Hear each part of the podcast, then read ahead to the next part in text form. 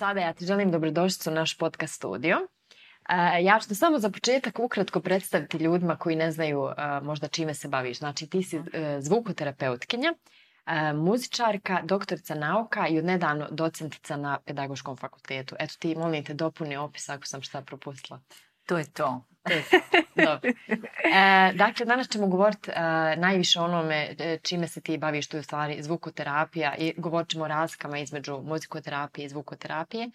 E, pa za početak, možeš li nam reći e, e, kako objasniti ljudima onako lajčki e, na koji način to e, zvuk, odnosno muzika, utiču terapeutski na ljudsko zdravlje? To je dobro pitanje. Pa prvo hvala što ste me uopće pozvali. Imamo onako jednu pozitivnu tremu jer kad god pričam o zvuku, ovaj, to je nešto što me zapravo inspiriše cijeli život i kroz moje školovanje, ali rad sa studentima i sa klijentima.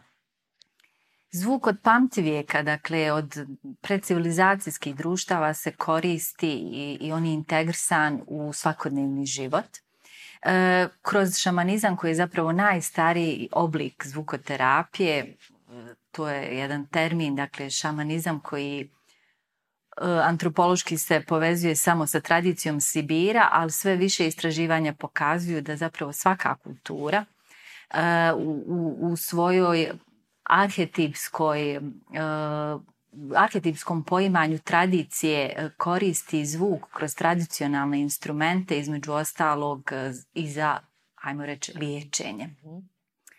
Tako da e, zvuk i zvučna frekvencija je nešto što je sad aktualizirano negdje od sredine 20. stoljeća, ali zapravo to je najstarija možda terapija koja se koristi od pamti vijeka. Uh, No danas, e, zahvaljujući interdisciplinarnom pristupu u nauci, e, određenim e, saznanjima, metodološkim, dakle i mogućnosti zapravo da mjerimo efekte kakve muzika, odnosno zvuk, odnosno zvučne vibracije koje su vrlo specifične i određene imaju na naše uh, E, zdravlje i holistički način života, sve više je to pitanje aktualizirano i e, nije nekako samo rezervisano za neku, hajmo reći, nekonvencionalnu ili duhovnu zajednicu i nešto slično. Dakle, U pro, uh, sredinom 40. godina 20. stoljeća muzikoterapija zapravo u, još u Sjedinjenim američkim državama pa onda i u Evropi uh, ulazi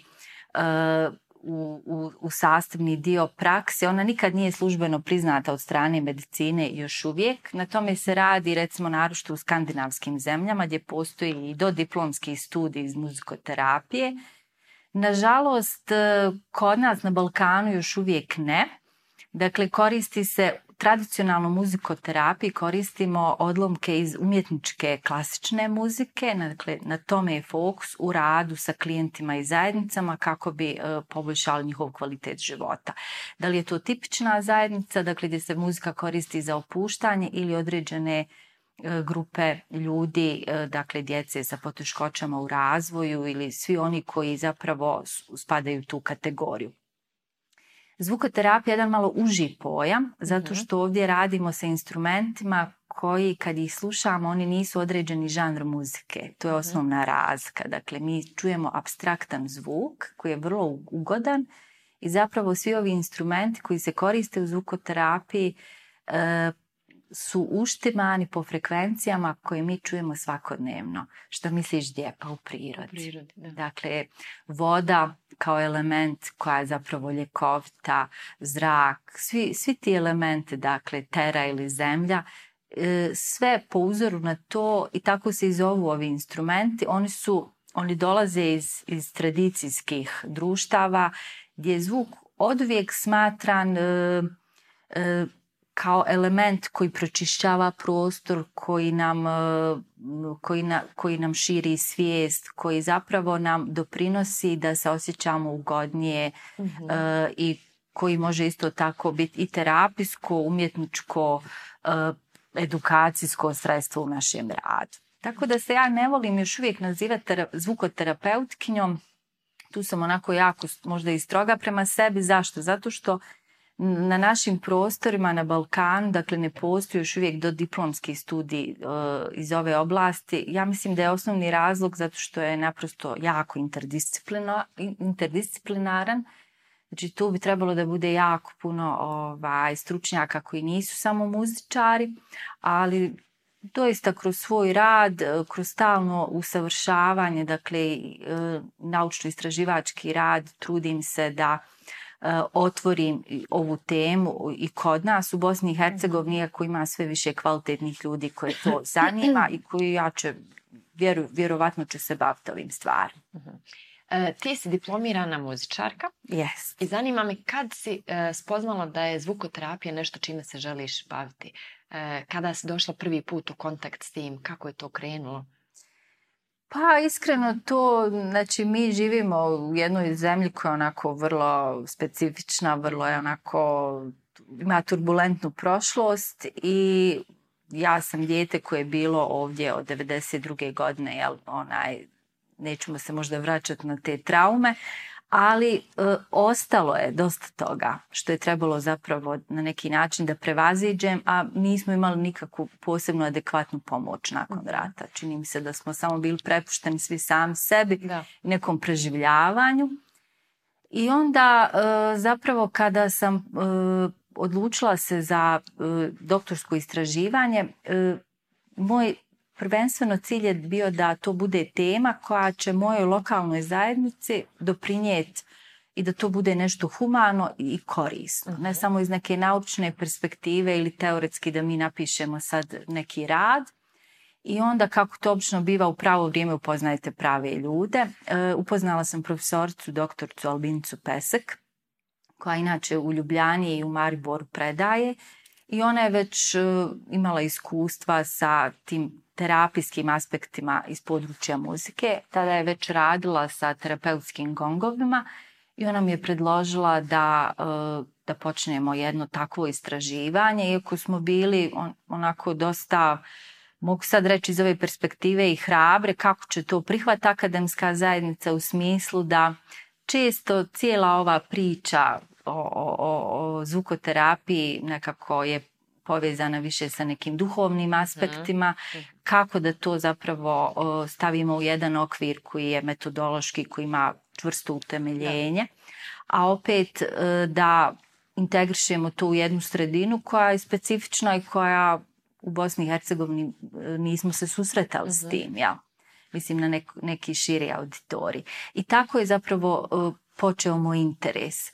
E, kroz to sam shvatila zapravo koliko ovi instrumenti, svi koji ulaze u spektar zvukoterapije, ne samo da interesantno zvuče i ugodno i da prije svega mogu sebi pomoć, nego prvo je krenulo dakle, od neke te moje, mog uskog kruga prijatelja, pa onda kroz doktorsko istraživanje gdje smo ušli u škole, u vrtiće i tu sam vidjela koliko je to e, vrlo primjenjivo e, i koliko ljudi, ako im inače stvari objasnite na jedan jednostavan način, mm -hmm. uh, prihvataju to. Da, Samo da. zapravo najveći je problem kad imamo neke predrasude i ne znamo Tako o čemu se radi. I upravo treba znati demistificirati neke stvari koje možda djeluju onako abstraktno da. i koje se povezuju ono što smo jel, malo prije govorili u kuhnji sa tim duhovnim svijetom i sa jogom, onda naravno ljudima postoji ta neka skepsa, a u stvari sve se može objasniti na, na naučni način i da to bude onako malo osvetljivije.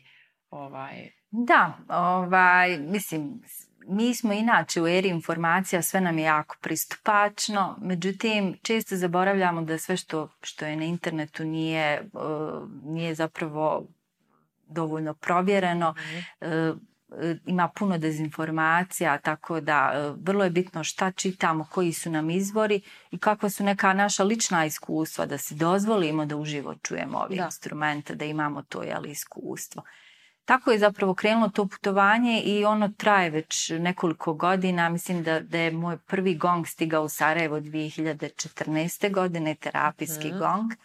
I tako je sve nekako počelo. Ovaj, i doista danas otkrivam da je ova oblast jako široka.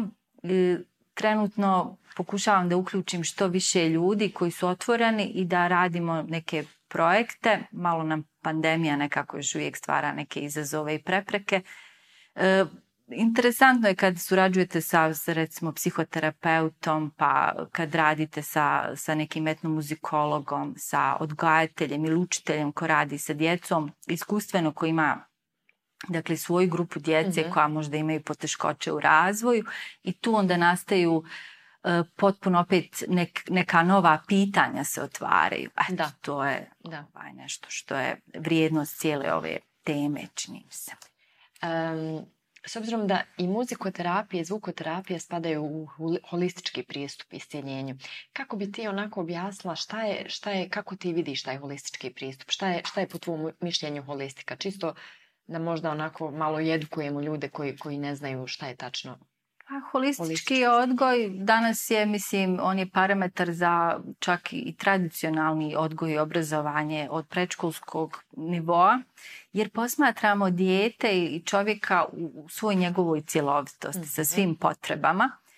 Tako da ja imam klijenata koji meni godinama dolaze koji naprosto vole ovu tehniku jer ih opušta. Mi se zapravo naročito odrasli jer nije nas to niko naučio, ne znamo se opustiti. Mi mislimo da, da imamo neke tehnike, ali to nije ako, ne znam, smo ispred televizora ili slično.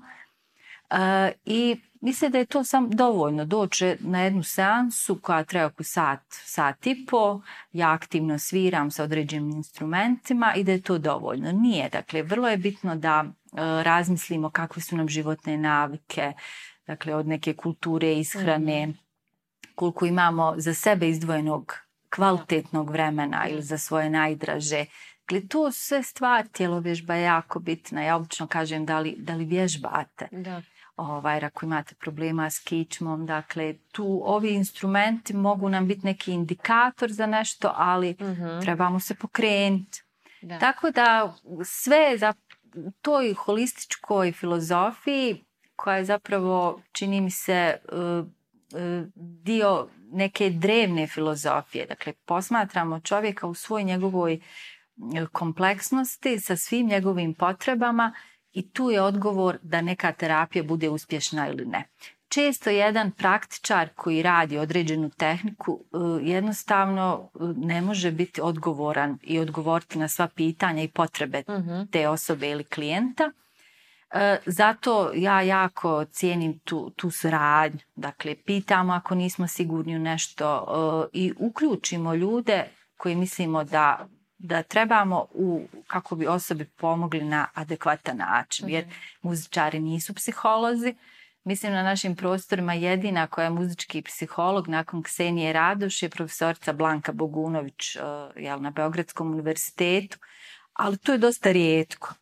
Tako da, onaj, ali mislim da je vrlo interesantno surađivati u timu i da tako nastaju neke još kvalitetni i kreativni projekti. Da, da, da. da. Tako Umjetnost i nauka su onako vrlo, vrlo, hajmo reći, različita polja, a mogu biti i tekako kompatibilna i, da. i neophodna, pogotovo u tom terapeutskom aspektu. Yes. E, kako bi ti opisala nekome ko nikada nije bio, ovaj, jer ti organizuješ zvučne kupke, e, kako to izgleda i šta se dešava u ljudskom tijelu, šta se dešava sa vibracijama, šta se dešava sa možda nim valov monako, čisto da, da, da neko ko to nije doživio ovaj, stvori neku sliku, jer sam ja prvi put bila na, na tvojoj zvučnoj kupki sad nekad ljetos i to je zaista onako jedno posebno iskustvo gdje, gdje čovjek ode u posebnu dimenziju i poprilično dugo ostaje nakon seance u toj dimenziji. Ta izraz kupka e, je je onako najkompitabilniji za ono što se dešava. Jer mi doslovno se kupamo u zvukovima. Mhm. Svaki od instrumenta koji koristi praktičar koji svira je e, uštiman e, u sinergiji sa našim organima u tijelu. Jer e, mi smo kao jedan instrument i kad smo u disharmoniji i ne osjećamo se dobro, dakle to je zapravo jedan muzički izraz, disharmonija i harmonija.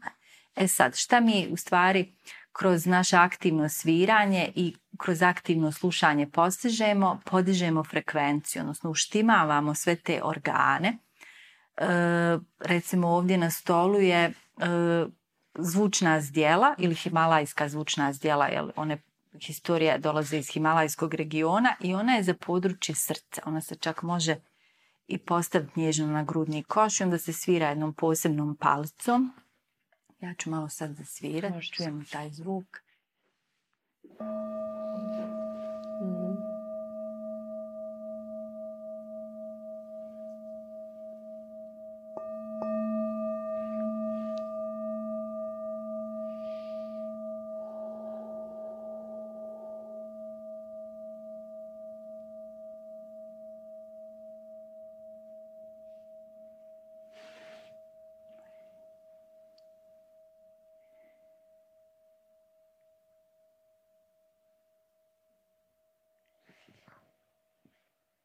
upravo zato što nije riječ o određenom žanru muzike. Naravno kad su odrasli ljudi u pitanju, dakle oni ovaj počnju dok aktivno slušaju, da mentalno nekako analiziraju šta slušaju, pa da li im se to uopće dopada. Mm -hmm. Dakle, ovaj zvuk je prilično abstraktan mm -hmm. i frekvencije i način kako su instrumenti napravljeni je takav da naprosto našem eh, rezonator, ne samo našem uhu, Dakle, cijelom našem organizmu ti zvukovi odgovaraju i oni nas vrlo brzo dovode u jedno stanje opuštenosti koje onda mi prepoznajemo i onda e, to nam je vodilja da e, u svom daljem svakodnevnom životu tražimo načine i tehnike kako da se opustimo. Mm -hmm. Jer stres je jedan ozbiljan indikator. Ako smo suši dugo pod stresom, posljedice nažalost dolaze. Dakle, ovi instrumenti, ova tehnika su idealni za prevenciju ako se već desi nešto što uh, je ozbiljnije i po pitanju nekog zdravstvenog stanja, onda isto tako može, može se pomoći. I to se naročito pokazalo recimo kod ljudi koji su imali moždani udar. Mm -hmm. e, koliko zvučna masaža, dakle tehnika kada se svjesno na određena mjesta stavljaju zvučne zdjele, može pomoći u toj rehabilitaciji zajedno sa mhm. fizioterapeutom. Mm -hmm. E, kod anksioznosti, depresije, kod nekih težih kliničkih slučajeva kad govorimo o duševnom tom spektru ovaj, nekih oboljenja, tu se onda naravno treba raditi sa kolegama koji su mm -hmm. psihoterapije i tako dalje. Dakle, osoba obično leži, sat vremena praktičar svira, i ovisno koje instrumente koristi, koristi ih e, zapravo jako smisleno. Dakle, nije da mi samo random onako slučajno sviramo Sarijedno, instrumente ne. koji nam padaju na pamet. Obično 15-20 minuta sviramo jako nježno, jako istančano da se ljudi opuste. Jer sad recimo u ovom periodu pandemije koja još uvijek traje, jel, ja sam primijetila da ljudima treba mnogo više, ta intro traje samo dok se opuste i prepuste. Da, da. I onda, pardon, obično počinjem svirati na uh, gongovima. To su terapijski gongovi koji su napravljeni upravo za tu svrhu, mm -hmm. uh, koji imaju jedan snažni volumen zvuka. E, pravilo inače kada se svira kupka, uh, u, kada je cilj kupke da se ljudi opuste ili kad govorimo već o nekim terapijskim efektima, da ne sviramo nikad preglasno. Jer to mhm. može biti isto uh, čak imati ne, neku kontraindikaciju u smislu da e, ako je predramatičan zvuk i preglasan, e, ljudi se neće opustiti. će se možda. Yes. Da, da. Sjećam se ljeto, se izvini na boračkom mm. iza e, kupke kad se nas pitala kao je li vam bilo preglasno, je li bilo sve ok. Koliko je relativno bilo jer nekim ljudima je, znam na Vimani da se radila neke zvukove koji su bili onako uh, ali to je sad zavisno opet od tvog nekog psihološke, tvoje pozadne, kako ćeš doživjeti taj zvuk. Meni yes. su neki zvukovi baš bili intenzivni, jaki. Čak sam se onako u nekom momentu bila zgrčila. Ostalima je bilo ok, tako da je to vrlo individualno i vjerovatno nije lako svirati za, za veliku grupu gdje, gdje su ljudi sa raznim i, ne znam, i stanjima i poremećajima i Je li tako? Izazovno je grupni rad, ali sve iskustvo. Ja u stvar sam shvatila da ovdje je najvažnije slušanje. Mhm. Ovo, u tom smislu, kao bilo koji terapijski rad, mi u stvari aktivno treba da naučimo slušati. Mm -hmm. Muzičar ovdje sluša dok svira. Da. Mi slušamo tu grupu i njihovu energiju koja i tekako učestvuje u cijeloj toj kreaciji, hajmo reći, mm -hmm. zvučne kupke. Tako da e, to nije neko koncertno izvođenje gdje, gdje publika nas sluša i mi imamo svoj neki program koji sviramo. Uh, ovo je vrlo specifično zato što i, i jako je isto tako bitna za, za onoga koji svira ta komunikacija sa tišinom. Da dozvolimo čak i dok sviramo te, te momente tišine mm -hmm. koji su bitni u komunikaciji jel, kad nekog da. slušamo jer pauza je sastavni dio muzike. Mm Tako da e, e, u cijelom tom konglomeratu instrumenta, a ono što je zanimljivo na ovom tržištu, konstantno se pojavljuju neki novi instrumenti koji su inspirisani upravo frekvencijama i po načinu kako se prave novim nekim legurama, metalima, materijalima, čak i svojom, svojim izgledom. Mm -hmm. Dakle, više i ne podsjećaju zapravo na neke tradicionalne instrumente u tom smislu to je zapravo cijela jedna vještina koja se uči. Da. Dakle, tehnika kako da mi ljudima koji su, koji imaju povjerenja u nas, koji su tu došli, da, da im pružimo ono što je njima u tom momentu potrebno. E, obično prva kupka je neko upoznavanje, dakle, tek možda drugi, treći put, e, nakon izvjesnog vremena, mi se odista možemo terapeutu prepustiti. Da. Tako da mi onda, ja onda naročito kad radim individualne seanse, onda tu imam puno više e, prostora da se doista posvetim jednoj osobi i, i potrebama koje su u tom momentu nekako najvažnije za mm -hmm. Eto, to je. E, ti uglavnom radiš muzikoterapiju za odrasle, a da li je preporučljiva i za djecu? Jer znam da smo spomnjala i da si radila sa djecom sa razvojnim poremećajima i tako. Kako oni reaguju? Kako to izgleda? Uh, Pa, Koje su razlike? E, razlike su, mislim, generalno sa djecom je lakše u smislu djeca su mnogo otvorenija. Mhm. Dakle, ljudi obično odrasli imaju neku potrebu da im prvo vi to objasnite, dakle, na nekom mentalnom, informativnom nivou čemu se radi. E, kakva je to tehnika, pun su pitanja i tako. Djeca u stvari uče iskustveno, dakle, e, kad radite s njima to mora biti mnogo kreativnije i ima više interakcije. Mm E sad, ako je neka inkluzivna grupa u pitanju radionca, dakle gdje imamo i djecu sa poteškoćama u razvoju, onda naravno moramo razgovarati sa osobom koja konstantno radi tu s njima, to je odgajatelj, učitelj, neki terapeut, uh mhm. -huh. E, šta je u pitanju. Eh, jer neki snažniji zvukovi glasniji mogu ih uznemiriti. Mm -hmm. Uglavnom djeca generalno sva, bez obzira da li su to neka tipična ili netipična populacija, jako dobro reaguju na zvučne izdjele zato što one imaju tako subtilan zvuk. I tu zapravo djecu od najranijeg perioda učimo tehnikama opuštanja. Jer I oni čak u vrtiću imaju svoje loše dane ili kad su neraspoloženi da. ili taj period adaptacije kad oni doista misle da su ih roditelji čak i ostavili u vrtiću, da. napustili da. ih. Da. Tako da te suze i e, te promjene, dakle vrtić, škola i sve ono što dolazi, a vrlo je onako kompetitivan taj odgojno-obrazovni e, sistem, čak već od vrtića kreće, da li uče engleski, koliko su dobri u nekim vještinama. Da, da, da.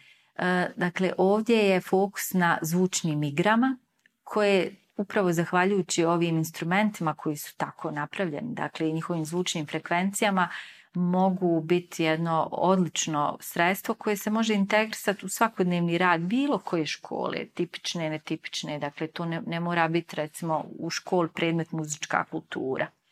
Ja sam imala recimo jedan, jedno malo akcijno istraživanje gdje smo probali da sviramo djeci u školi u uvodnom dijelu prije nego što će imati neki test, kratki aha, test. E sad aha. to je obično čas koji je onako e, pun adrenalina, Na neka pijet. djeca su nervozna, zavisi jel kako su, koliko su ispremni uopće. Mm -hmm.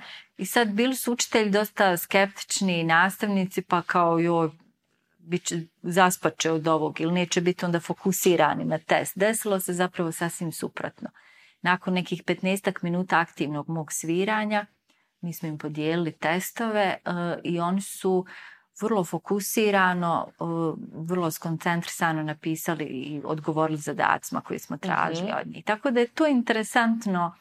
Uh, samo je važno da se institucije otvore, uh, da, da tu se stvori jedna suradnja i povjerenje i isto tako i sa roditeljima je komunikacija jako važna. Tu, Naravno. Na, tu je, mislim. Naravno. Dakle, komunikacija i polako da e, ulazimo u škole, u vrtiće, u institucije, da po, poznajemo ljude i sa ovim tehnikama koje su zapravo drevne tehnike. Ništa da, ovde nije da. tako novo. Da, ono, new age kao nova izmišljotina.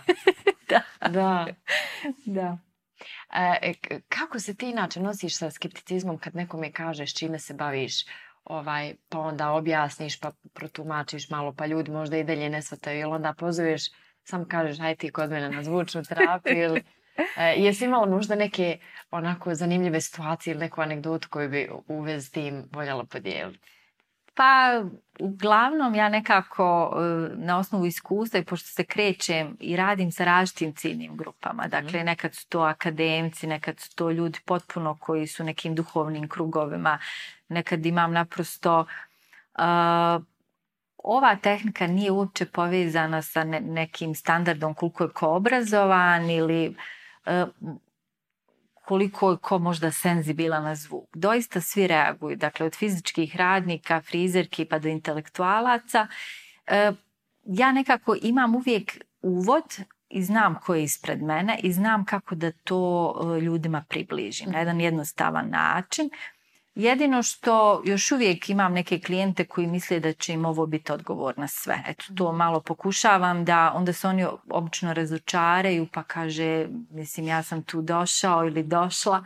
Onaj, zato što živimo u jednom instant društvu gdje se zapravo znači, se nude takva završava. rješenja. Da. Yes. Tako da. da ja kažem, sa ovim zapravo tek počinju vaš, vaši procesi, da. onda on stanu pa kao zašto sam došla. Mislim, tu sam onako doista realna i iskrena. Da. Nema da. tu... I e, pomaže isto tako akademsko obrazovanje nekako ljudima, to isto znači koliko god e, ja ne ističem jel, da sam doktorirala, ali uglavnom ako, ako znaju da radim negdje jel, sa nekom populacijom, da sam na fakultetu, onda, onda ima isto tako jednu dozu povjerenja. Ali generalno najvažnije je to iskustvo ka, kad zapravo se završi tretman i kad oni onda l, doista mogu reći iz vlastnog iskustva da. kako su to doživjeli. Da. Mada je takve senzacije, takav doživljaj u stvari teško nekako sročiti u riječ. To je bukvalno iskustveno i to je osjećaj i samo znaš ono, iću opet, mislim, to je to to, ali mislim, muzika je mislim, sastavni dio našeg života još u prenatalnom periodu. Da. Nije sve jedno šta majka sluša, da. kako je u spavanke pjeva, jeli, onaj svoje bebi, kakva je boja glasa. Tu je naravno komunikacija s ocem, sa u, u, u, mhm. uža obitelj, porodica, onda učitelj prvi i tako. Tako da je muzika, ona je uvijek tu, ona je prisutna. Uh, to nije nešto što je, možda zato ljudi nekako nisu toliko ni skeptični kad je ova tehnika u pitanju, samo e, pitanje koliko je to isto nekome pristupačno. Ja povremeno radim potpuno onako volonterski, nekad moramo to naplatiti zato što naprosto ovaj, resursi, dakle trebate obezbijeti neku ugodnu salu koja mora biti prozračena, dovoljno da, da. topla i tako dalje. E, I ono što je meni nekako najveća prepreka, e, jako se komplikovano dolazi do ovih instrumenta. Nismo u Evropskoj uniji, pa onda... E, to sam te isto htjela pitati. Malo... Ovaj, e, pošto sam onako zabilježila par imena instrumenta, okeanski bubanj, himalajske zvučne zvijele, koši, vimana, planetarni gong. Dakle, to su sve instrumenti koji nisu s našeg podneblja. Kako dolaziš do njih i, i, i kako izabireš naredni instrument, kako se odlučuješ koji ćeš koji ćeš uključiti u svoj pa, performant. Tu onako, a, još uvijek sam neki konzumerista, dakle nekako trudim se da ne kupujem bespotrebne stvari, ali sam takav zaljubljenik u instrumente i stalno otkrivam nove. Ovo recimo je, to sam već rekla, himalajska zvučna zdjela i ona izgleda kao tradicionalne zdjele koje dolaze iz tog područja da. Himalaja. Himalaja. E, ima ih isto tako u Kini, u Japanu, ali ovo je u suštinski zapravo savremeni instrument. E, ovo je e, instrument koji je napravljen u Njemačkoj i to je jedna cijela grupa, jedan tim. Dugo su istraživali koje su to legure i materijali po uzoru na tibetanske zdjele i tako nastaju Peter Hess zdjele. Uh mhm. -huh. Imamo tri, terapeutske i upravo svaka je za određeni spektar organa u tijelu. Tako da oni izgledaju kao tradicionalni mm -hmm. instrumenti, ali su zapravo ovaj, rezultat su savremenih mm -hmm. uh, tehnoloških postignuća. Mm -hmm. uh, I sviraju se različitim palicama. Dakle, ovisno koja je palica, tako se i zvuk mijenja. Mm -hmm. I to je recimo isto nešto što je ovaj, interesantno.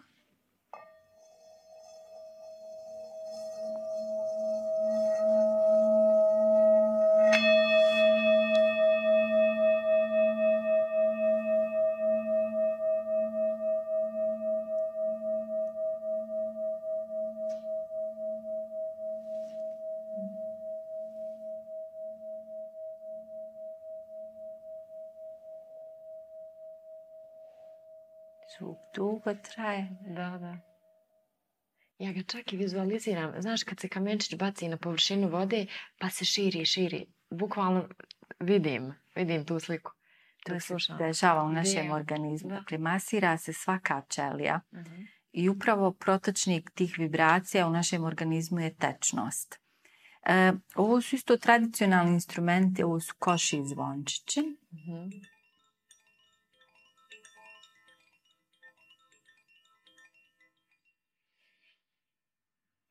Ovaj se zove zrak. Dakle, oni su upravo inspirisani po ovim elementima zemlja, voda, zrak i vatra. Mhm.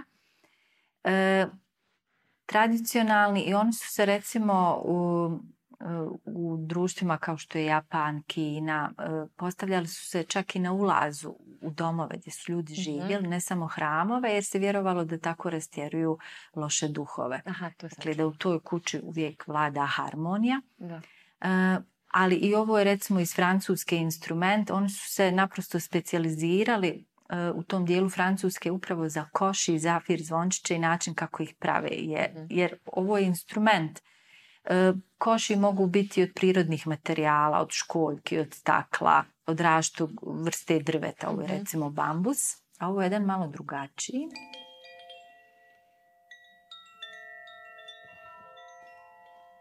ćemo ga držati ovako.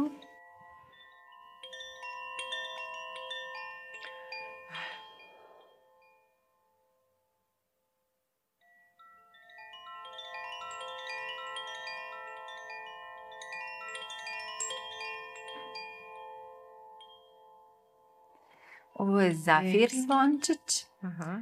E, i zove se plavi mjesec. To je jedan fenomen u prirodi kad baš imamo taj period plavog mjeseca, punog mjeseca koji je vrlo intenzivan. Aha. I to pokazuje koliko su ljudi e, nekada kroz svoje običaje bili mnogo više povezani e, i, i u konekciji sa prirodom. Život je bio kvalitetniji. Da. Sporiji. Mi smo sad spori, jeste. O, mi smo tako se otuđili od prirode... E, da onda sad tražimo ovakve neke stimulanse da naprosto osjet, osjećamo, savremeni čovjek osjeća da mu treba ovako nešto. I konstantno se pokušava vratiti u stvari e, tim povratkom ka prirodi, povratkom sebi. U stvari, konstantno se pokušavamo sebi vratiti. Jest. I to tvoje pitanje, ono na koje ja se uvijek malo rasplinem, ona je tako volim ovu temu, naravno. E, u Evropi, dakle, imaju centri, ja znam koji su to gradovi, čak i pre, preko web stranica mogu se naručiti instrument, mm -hmm. jer naprosto za svaki od ovih instrumenta specializirala se određena firma, eh, jer potražnja je dosta velika, ljudi ovo mogu svirati za svoju duš, prednost instrumenta ovi zapravo se jednostavno sviraju, tako da. da mi možemo u svom domu imati jednu zvučnu zdjelu ili jedan koš i zvončić i uspavati recimo uh, dijete, imat će kvalitetniji stan ili spričat mu priču da. s koši. E, tako da, ali bilo bi naravno sve jednostavnije da i mi ovdje imamo tako jedan specializirani makar jedan shop sa mm -hmm. ovakvim instrumentima i da uh, i u školama i u, i u prečkolskom odgoju odgajateljima jedan ovakav instrument, zašto da, da ne? Samo opet treba malo vještine jer znam ovaj, uh, majku studiju isto ima ove tibetanske zvijele I on, onda nama tako nekad iza prakse malo nešto odsvira. I onda sam ja jednom kao htjela sama, probala sam s tim ne znam kako se ovaj zove, evo, s ovim. Aha, ovaj, sa palcom. Da, sa palcom. I kad sam ja to uradila, to je zvučalo, ne znam, kao, kao prolupana šerpa. Ono, nije, nije bilo dobro, nije to bilo to. Tako da ipak malo treba skila. Kako, je li postoji neki trenzi, evo, na primjer sad za himalajske zjele, ili vide, ili kurseve, ili kako? Pa postoje, postoje edukacije, mislim, uh recimo pravilo je kako i drži se zdjela, da je mhm. ne gušimo zvuk. Eh, da je ona otvorena u stvari. Jeste, da je otvoreni dlan i to mhm. isto neka simbolika, je tako? Pa onda, eh, u principu imamo dovoljno imati jedno zdjelo, ali ražite palice. Da. I samim tim onda spektar tih zvukova ili alikvota se mijenja. Ne svira se nikad ovdje pri samom vrhu. Uh -huh. uh, I uh, čak možemo uz dijelu i pjevat. Uh, Aha. Ne znam kako će e, to, to sad izgledati. To nisam nikad gledat.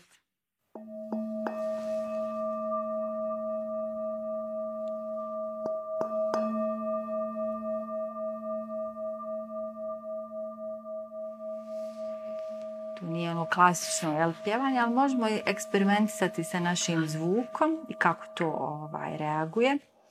E, I treba naravno malo vježbe. Mislim, da ja sam nekako kroz, kroz e, doktorsku disertaciju, onda to, toliko me to sve zanimalo da, da sam prošla niz radionica, ali išlo je to dosta brzo jer kad imate neko klasično muzičko obrazovanje, onda o, jednostavno i ovakve stvari idu dosta nekako prirodno. Mm -hmm. Ali nisam još u Sarajevo organizovala neku takvu radioncu, ali radim sa svojim studentima, imam izborni predmet, e, zvučne improvizacije smo ga mm -hmm. nazvali. Zato što ovo jeste suštinska improvizacija. Mi ne sviramo po nekom notnom da. zapisu i tako se u suštini to je nekakav puls, neko srce muzike. Dakle, notni zapis je tu da mi nešto sačuvamo od zaborava, da to ovaj e, ostane, ali muzičar, recimo, o, o, suština džeza je improvizacija. Da. Tako da konstantno se nekako vraćamo e, toj spontanosti i tom kreativnom momentu koji je za muziku mm -hmm. tako ovaj specifičan. I onda učim svoje studente osnovama tehnika na ovim instrumentima kako bi onda eventualno to mogli iskoristiti u svom radu. E, sutra u školama jeli, i u vrtićima. Jer ovo zajedno sa klasičnim e, instrumentima muzičkim koji se inače koriste sa našim glasom e, može biti jedno fantastično isto dodatno sredstvo da oplemeni taj prostor e, i da možda mi je sad naredni cilj da isto tako da radimo malo više da se posvetimo i prosvjetnim radnicima jer su oni isto kroz ovaj period pandemije u jednoj ne. baš je jako je težak i odgovora njihov posao uz sve ove još dodatne izazove uh mhm. -huh. kombinovanu nastavu online nastavu uh, Kako e, mjere predostrožnosti. da, to, to je sad sve kao malo bolje, malo se manje priča, ali i dalje smo mi svi u Grču. Barem podsvjesno, mislim. Jesmo. Možda da. serija zvučni kupki za, da. za učitelje, nastavnike. Da. ovaj, htjela sam te još pitati ovo, pošto malo prije sam u stvari čula prvi put da, da pišeš također jednu knjigu, mm -hmm. koja je, ako sam dobro shvatila, povezana sa uh, istraživanjem koji se radila za doktorat. Jest. Pa ako ne možeš malo nešto reći o tome, ako nije prevelika tajna. Nije, ovaj, to je nekakav proces normalan u universitetu da mi ovaj, zapravo se usavršavamo. Um, akcenat mi je bio dugo vremena na člancima, dakle naučnim, stručnim člancima. Sad pišem svoju prvu knjigu, jako sam onako uzbuđena. Vjerovatno će to biti uh, uh, zajedno sa jednom mojom kolekcijom koja, koja je psiholog, to ćemo još se dogovoriti. Uglavnom, suština je da iskoristimo ono što smo profesorca Albinca i ja radila kroz doktorsko istraživanje, dakle kako integrisat uh, ove instrumente u jednom tipičnom školskom okruženju, uh mhm. -huh. ali tu će biti nekih novih stvari jer ovo je tako jedna živa tema. Uh, recimo, autori kao što je Don Condron, njega sam već spomenula, Frank Perry, Davida Komba, većina njih koji su zapravo naučno i utemeljeno počeli sa ovom temom, neki iskustveno, praktično, neki su počeli pisati knjige, e, još uvijek su živi. Dakle, da. imaju čak i Facebook profile. Dakle, tema je vrlo živa, vrlo je onaj, i sad e, čini mi se vrlo je to aktualizirano u cijelom svijetu, samo u skladu sa svojim mogućnostima i predznanjem nekako svaki istraživac više fokusira. Uh mhm. -huh. Meni je najinteresantniji ovaj edukacijsko-terapijski rad, dakle sa djecom i sa odraslima koji radi sa djecom. To mi je nekako sad taj fokus. Jer e, djeca su naša budućnost i način kako ih odgajamo, kako ih školujemo, to je jedan resurs koji nam je najvrijedniji. Da. A upravo to su ljudi koji prenose znanje i rade sa djecom da. E, ili sa odraslima. Ja, to je. Tako da, eto, to, to mi je ne, plan koji je nekako logičan nastavak ovaj, osjećam zapravo da je moja naučna karijera tek počela, mm -hmm. jer ovaj... A jako perspektivna. pa tema je, tema je prije svega jako plementa i mislim da. da, da je jako važno da svi naši doktorati, magisteri, uh, e, pored te neke tehničke, teoretsko-metodološke vrijednosti, da imaju uh, da, direktno budu involvirani u sve ono što je zemlja u kojoj mi živimo. Dakle, to je, čini mi se, jako važno e, za nauku. Uh mhm. -huh. Da, dakle, usluškujemo šta je to potrebno i u svom domenu da svako zapravo radi na jedan što stručniji, profesionalni način i doprinese sredini u kojoj živi. Mislim da je to najlogičnije i naj, najhumanije. Da. Eto, to da. mislim. Um, Mir, sada ti dosta radiš onako u privatnom smislu i na sebi i baviš se i jogom i tako dalje.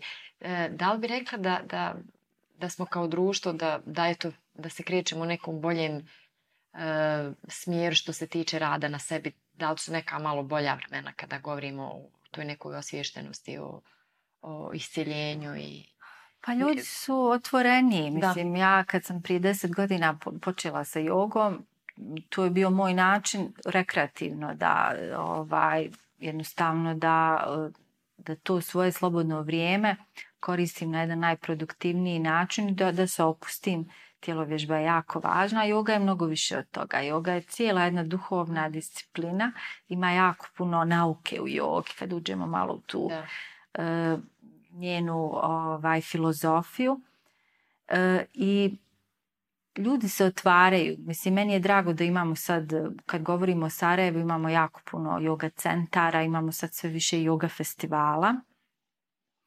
Znači, ove godine sam bila na dva yoga festivala gdje sam i aktivno sa kolegama imala priliku da, da kreiramo taj program za one koji su dolazili. Dakle, imali smo divan yoga festival na Boračkom jezeru. Mm -hmm. ovaj, e, pa onda drugi na, na Vlašiću. I tu smo mi svi, svako iz svoje nekako domene razmijenio neka iskustva, da li je to zvuk, da li je to yoga, da li je to neke druge tehnike. I činjenica je da se ljudi otvaraju, e, no kao i svugdje u svijetu imate s jedne strane onda jednu ekspanziju i e, imate svega, dakle ima tu doista ljudi koji su jako posvećeni i odgovorni i rade to najbolje što mogu, a ima naravno i neki instant edukacija pa se tako otvaraju yoga da. centri, onda se pitamo ko zapravo predaje na koji da. način, ali vremenom ja mislim da će se to nekako iskristalsat. Najvažnije je da se ljudi otvaraju, da, da imaju jako puno ovaj, prilika za različite tehnike, da ih upoznaju, da, da imaju to iskustvo, a onda će svako da procijeni šta je za njega. Tako je, tako je. To je onaj... Uvijek nas koči nešto drugo, dakle nisam nekako iz tog područja, pa ne pričam nikad o politici, ali taj cijeli politički aparat i način kako naša država funkcioniše, to nas stalno nekako vraća. Mm -hmm. I ovdje u tom smislu nekako stvari idu dosta teže. Mm ali imamo sjajne stručnjake e, i ovde možda baš zbog svih tih nekih prepreka mi smo naučili da se ne oslanjamo previše na neku pomoć. Mislim, ja Ja nisam nikad imala neku stipendiju, dakle jednostavno se školuješ, da, tražiš načine da, da dođeš do nekih kvalitetnih informacija da bi onda mogao nešto ponuditi svojim studentima. Da. E, nadam se da će za ove mlađe generacije biti bolje, i da neće ovo prolaziti ono što smo mi, mislim, tu nadam se da će biti uređeni sistem u svakom smislu. Da, I po pitanju pomijenam. i nauke, i edukacije, i rekreacije. Nadam se preko 20 godina, ali evo, nešto, nešto smo i dalje ovaj, u modu, ono, korak naprijed, tri nazad, ali bit će valjda bolje. I to je neki lijep tango, jel? kažeš. ovaj, uh, e, Mirsada, ti ćeš nam za naš podcast osvirati nešto na instrument koji se zove Vimana, je li tako? Mm -hmm. Pa samo uh, za naše gledatelje i slušatelje malo možda ukratko da, da objasniš o kakvom se instrumentu radi, pošto izgleda jako zanimljivo.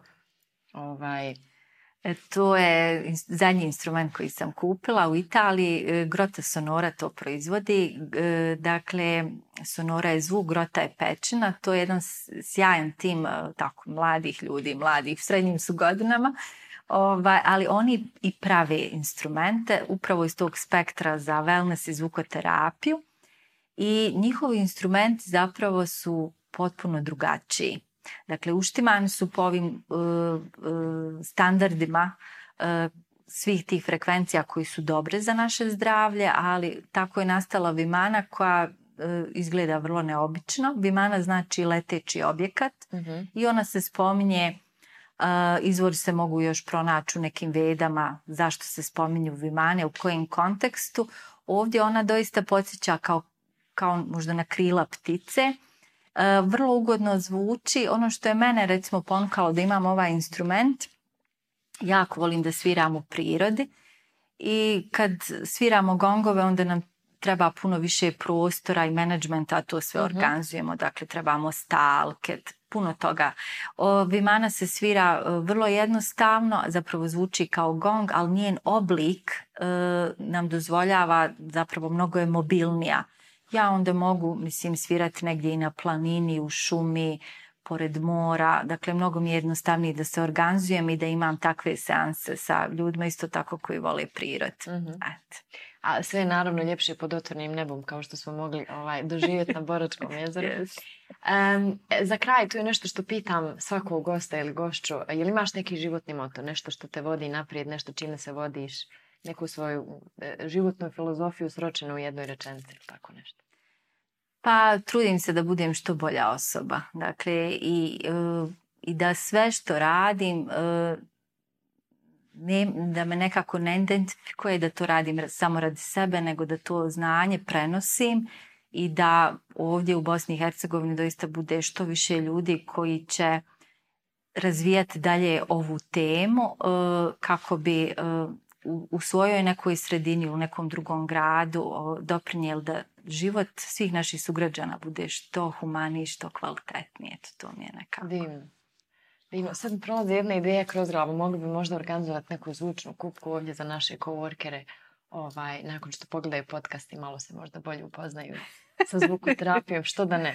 Može, super ideja.